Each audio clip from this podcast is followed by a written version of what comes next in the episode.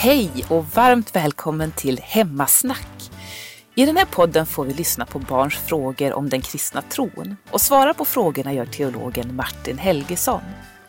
Vi hoppas att det här kan vara till inspiration för både föräldrar och barn till att prata tro i hemmet. Och det är SALT, barn och unga i EFS som står bakom podden. Välkommen till Hemmasnack!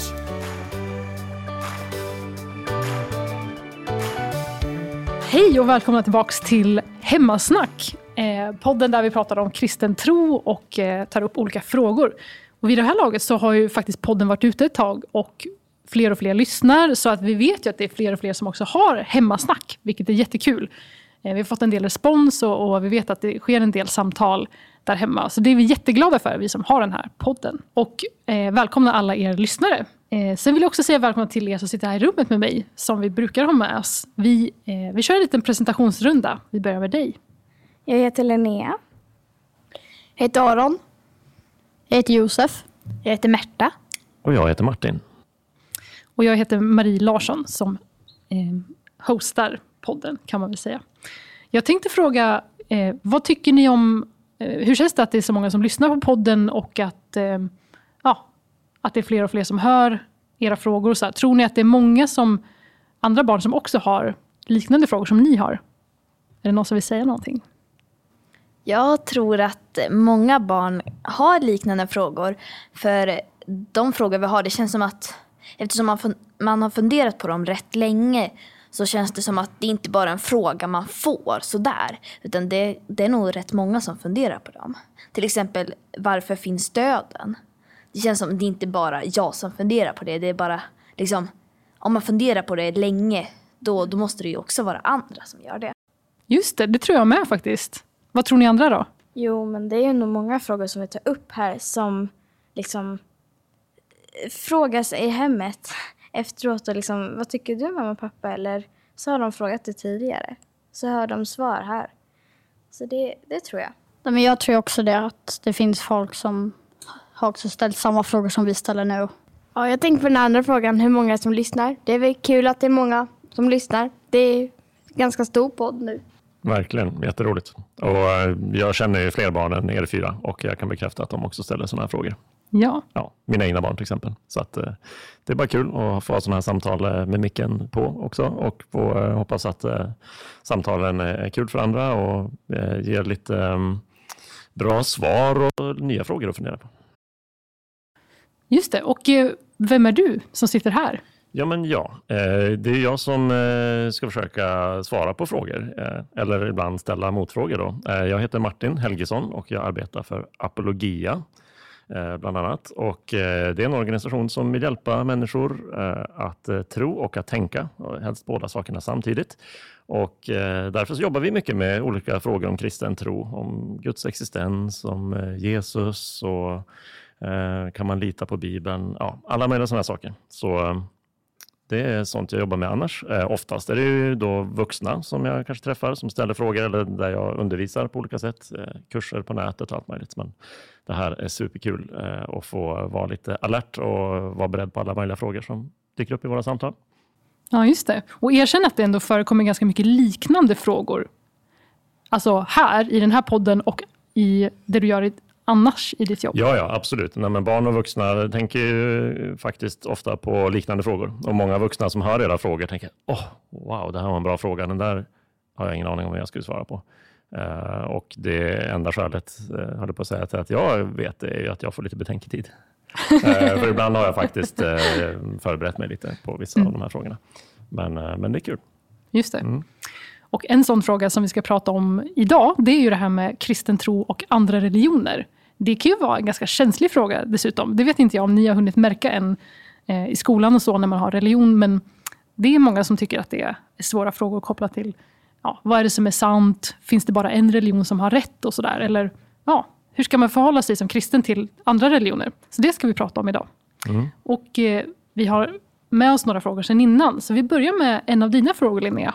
Det finns många religioner och för de flesta har man hittat platsen och skrifter och mer från just den religionen. Men kan man av det få fram en tro eller religion som är mest troligt finns eller liksom fanns? Ja, men det är en jättebra fråga Linnea och eh, religioner är ju jätteintressanta och det finns eh, många i världen och nu för tiden, eh, inte minst i Sverige tror jag, är det många som tänker att ja, fast i grund och botten så är de likadana, de handlar om samma sak. Men faktum är att när man studerar dem så ska jag säga att det finns väldigt stora skillnader mellan de olika religionerna.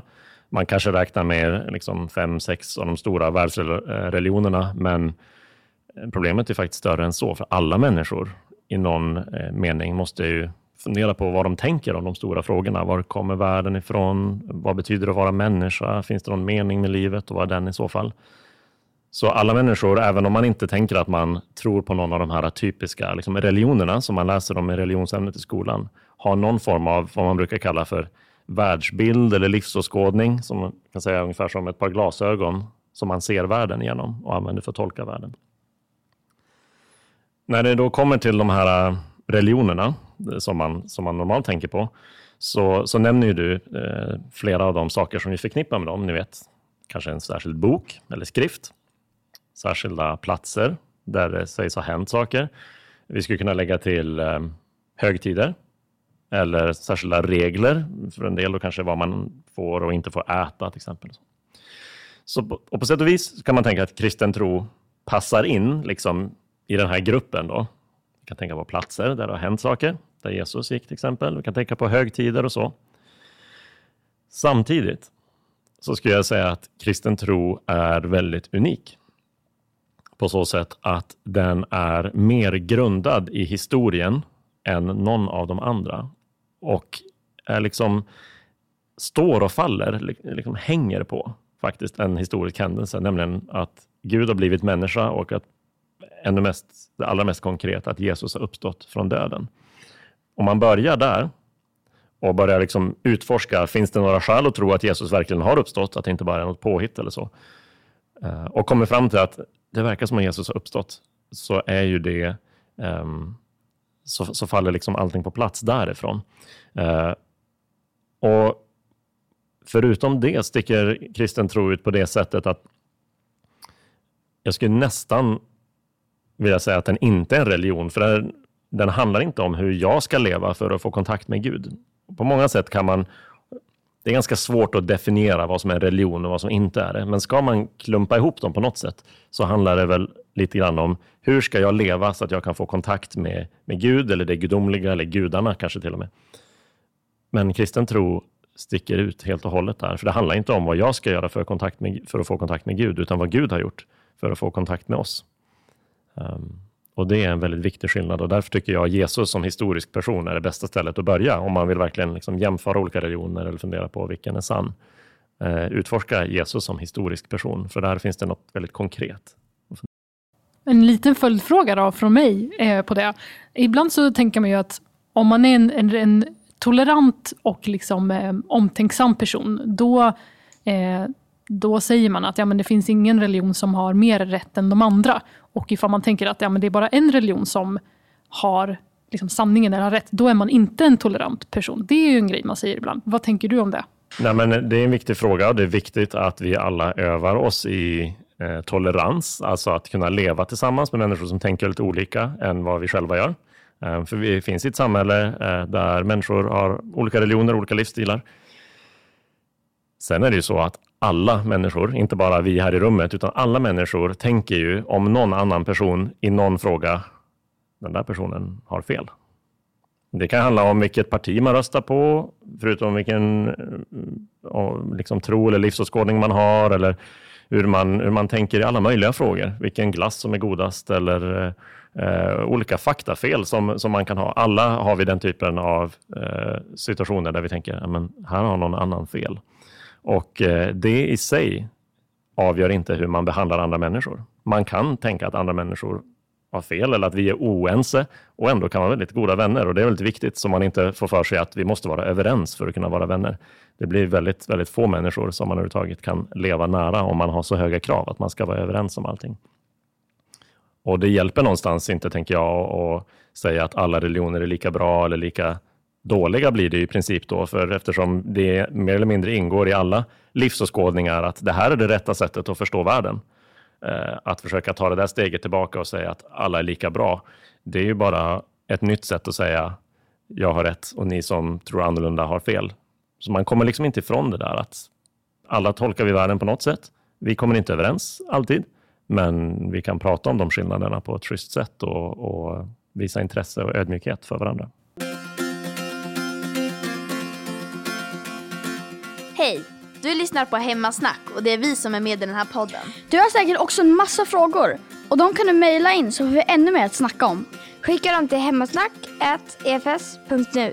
Och nu fortsätter vi avsnittet.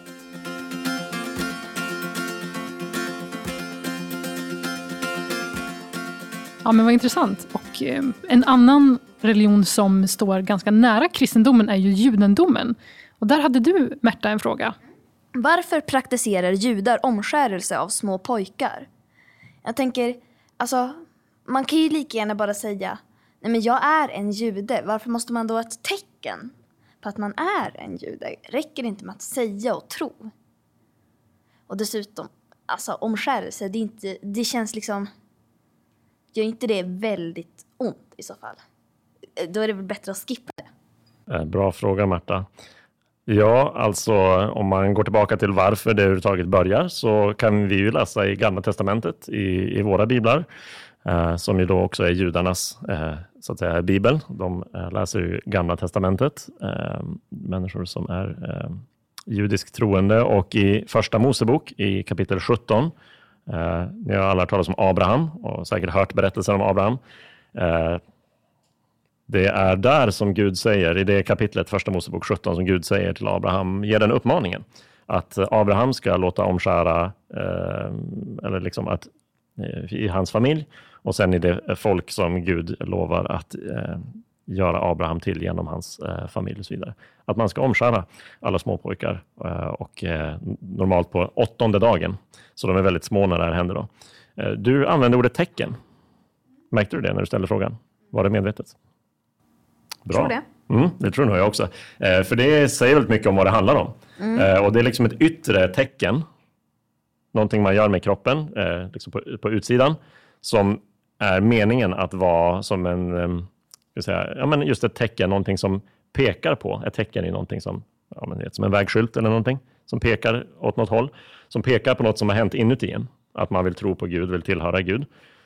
Kan ni tänka på något sånt som vi kristna gör? Ett yttre tecken som visar någonting som kanske egentligen händer på insidan. Mm, vi kanske har ett kors runt halsen eller så. Mm. Det finns någonting som vi ofta gör. I vissa kyrkor gör vi det med små barn. Andra väntar tills barnen är lite större och själva eh, kan uttrycka sin tro. Vad brukar vi göra då? Döpa. Exakt. Vi har dopet som är lite motsvarighet. Till och med så att Nya Testamentet ibland pratar om dop och liksom använder ordet omskärelse för att visa här finns det likheter. Att eh, det är någonting som händer med kroppen i, med dopet då, att man får vatten över huvudet eller kanske över hela kroppen.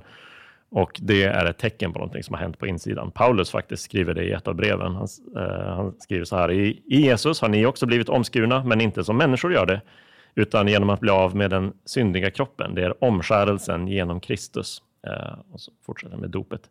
Eh, så Ehm, det är någonting som vi har också. Eh, och eh, om man ska fråga varför, Gud har ju skapat oss med kroppar och vad vi gör med våra kroppar spelar roll. Ehm, man kan tänka på att eh, gå ner på knä när man ber eller knäppa händerna när man ber. Måste man? Nej. Fast det är ju någonting som visar och någonting som ändå liksom hjälper oss att tänka på vad vi gör. Så vi människor är inte riktigt sådana att vi bara kan helt liksom dela upp i vad som är utsida och insida av oss. Eh, vad vi gör med utsidan påverkar vad som händer på insidan och vice versa ibland. Och därför är omskärelse kanske inte så konstigt som det först verkar. Men jag tänker de flesta kommer inte ens se din omskärelse. Hur ska de... Och samma sak med dopet. Om man inte frågar har du döpts, då kan man ju nästan omöjligt se på den personen att den har döpts. Just det. Det är en bra poäng. Men då är frågan, vem är tecknet till för då? Eh, och det är kanske inte i första hand till för så att säga andra och att man alltid ska se det. Eh, däremot när det händer så samlar, man ju ofta, eh, framförallt med dop tänker jag nu då, eh, så samlar man ju eh, familj och vänner liksom, så att man är med om det. Men det är ju ett, ett tecken för en själv. Man har gjort någonting eh, konkret eh, så att man vet, eller man har varit med om någonting. För den som blivit döpt innan man, man var så liten så man minns det inte ens. Men man vet att man har varit med om det och att det verkligen är ett tecken eh, för, för barnet som föräldrarna kan berätta om och för föräldrarna som gör det. Att nu så vill vi att vårt barn ska höra till Jesus. Men är det inte också så att de flesta döper sina barn bara som typ en, inte en högtid, men typ att det blivit en tradition att man mm. döper sina barn även fast man inte kanske kallar sig själv kristen? Ja, jag vet inte om jag skulle säga att de flesta, det, det vet jag inte, men helt, du har helt rätt i att jag tror att många gör det. Alltså, kristen tro har varit så vanlig och liksom traditionell i Sverige att, att det är en tradition som ja, men ungefär som att fira påsk eller jul som man ibland gör. Och då har man liksom kvar det yttre tecknet men inte kvar det som tecknet skulle peka på, det som händer på insidan. Och ja, det är lite synd såklart, tycker jag. Eh, tråkigt att det är så, för det, meningen är att de här ska sitta ihop eh, och inte liksom splittras ifrån varandra. Sen har jag en följdfråga. Oj. Eh, man valde ju, så här, om man, eftersom man är så liten när ja. man omskärs, mm. då, då valde man ju inte det själv, utan det var föräldrarna. Mm. Sen om man vill övergå till en annan religion från att vara jude, mm. då har man ju kvar det tecknet. Hur gör man då? Man gör inget speciellt med det, men uh, det finns ju massa saker som är... Det är väl det judiska tecknet bara? Ja, det, det är ju det, men uh, Eh, så där är det att vara människa. Det finns så mycket i våra liv som vi inte väljer. Vi väljer varken våra gener, eller våra föräldrar eller våra familjer. Eh, och eh, det är naturligt att föräldrarna får vara med och påverka sitt barns första liksom, tro och tillhörighet på det sättet. Jag började prata samma språk som mina föräldrar pratade hemma. Eh, jag valde inte att börja prata ett annat. Det är liksom, som barn formas man i det hemmet, så det är inget, inget konstigt med att föräldrar väljer att göra det för sina barn, tycker jag. Eh, men när barnet blir större och får förmåga att, eh, att välja själv, kommer man då till övertygelsen om att nej, jag, jag tror inte på det här, jag, vill, jag, tror något annat, då är det inget problem, utan man har det tecknet, men man har valt att liksom inrikta sitt liv åt ett annat håll. Och det är ju inte någonting som gör skada. Det kan vara värt att lyfta fram att det är inte någonting som pojkar, killar, män lider av sen i livet. Varken dop eller omskärelse. Just det, det är tur det i alla fall. Eh, och Linnea, du hade också en fråga som handlade lite grann det här om eh, judendomen. Ja, min fråga var eh, om Jesus, efter, alltså Jesus var jude. Mm. Hur kom det sig då liksom att kristendomen kom till? Hur hänger det ihop? För jag ser ingen förbindelse med det eh, så öppet liksom. Lite bara, men det är fortfarande liksom förvirrande. Ja, jag fattar. Jättebra fråga. Du är helt rätt. Jesus var jude och redan där märker vi då att jude är inte bara, alltså det kan betyda att man tillhör ett visst folk, så att säga, var man kommer ifrån. Men det kan också betyda en, en religiös tro, så att säga. Eh, men Jesus var jude, precis som alla de tolv lärjungarna, precis som Paulus. Ehm, och eh, Jesus är ju Messias, judarnas kung. Och vi som kristna har därför det judiska folket och liksom så, vi liksom så, eh, har så mycket att vara tacksamma för till dem. Eh, vi läser Gamla Testamentet som är de skrifter som eh, den judiska tron också utgår från. Och Jesus är ju liksom målet, skulle vi säga som kristna, målet för den historien som Gamla Testamentet liksom berättar och, och som eh, den är på väg till. Det är liksom Jesus som är höjdpunkten för det. Så därför har vi kristna och judar jättemycket gemensamt. Vi tillber samma Gud. Vi tillber också Jesus, som vi skulle säga är judarnas konung, även om då inte alla judar håller med. Det finns ju då judar som så att säga tillhör det judiska folket och som tror på Jesus, som är judar och kristna samtidigt i den eh, bemärkelsen. Men om man då tänker på hur, hur kommer kristen tro till i allt det här? Så, eh, men ni vet apostlagärningarna i Nya Testamentet. Ni känner till den boken? Yes, du är på hugget. Eh, där kan vi läsa om hur Paulus och flera av de andra lärjungarna de åker land och rike runt och berättar om Jesus. Och vart går alltid Paulus först? När han kommer till en ny plats. Han går till den judiska synagogan där judarna samlades för att fira gudstjänst, som missionshuset eller så, fast eh, för judarna. Eh, så det var inte alls så att liksom Jesus kom och nu är en ny religion.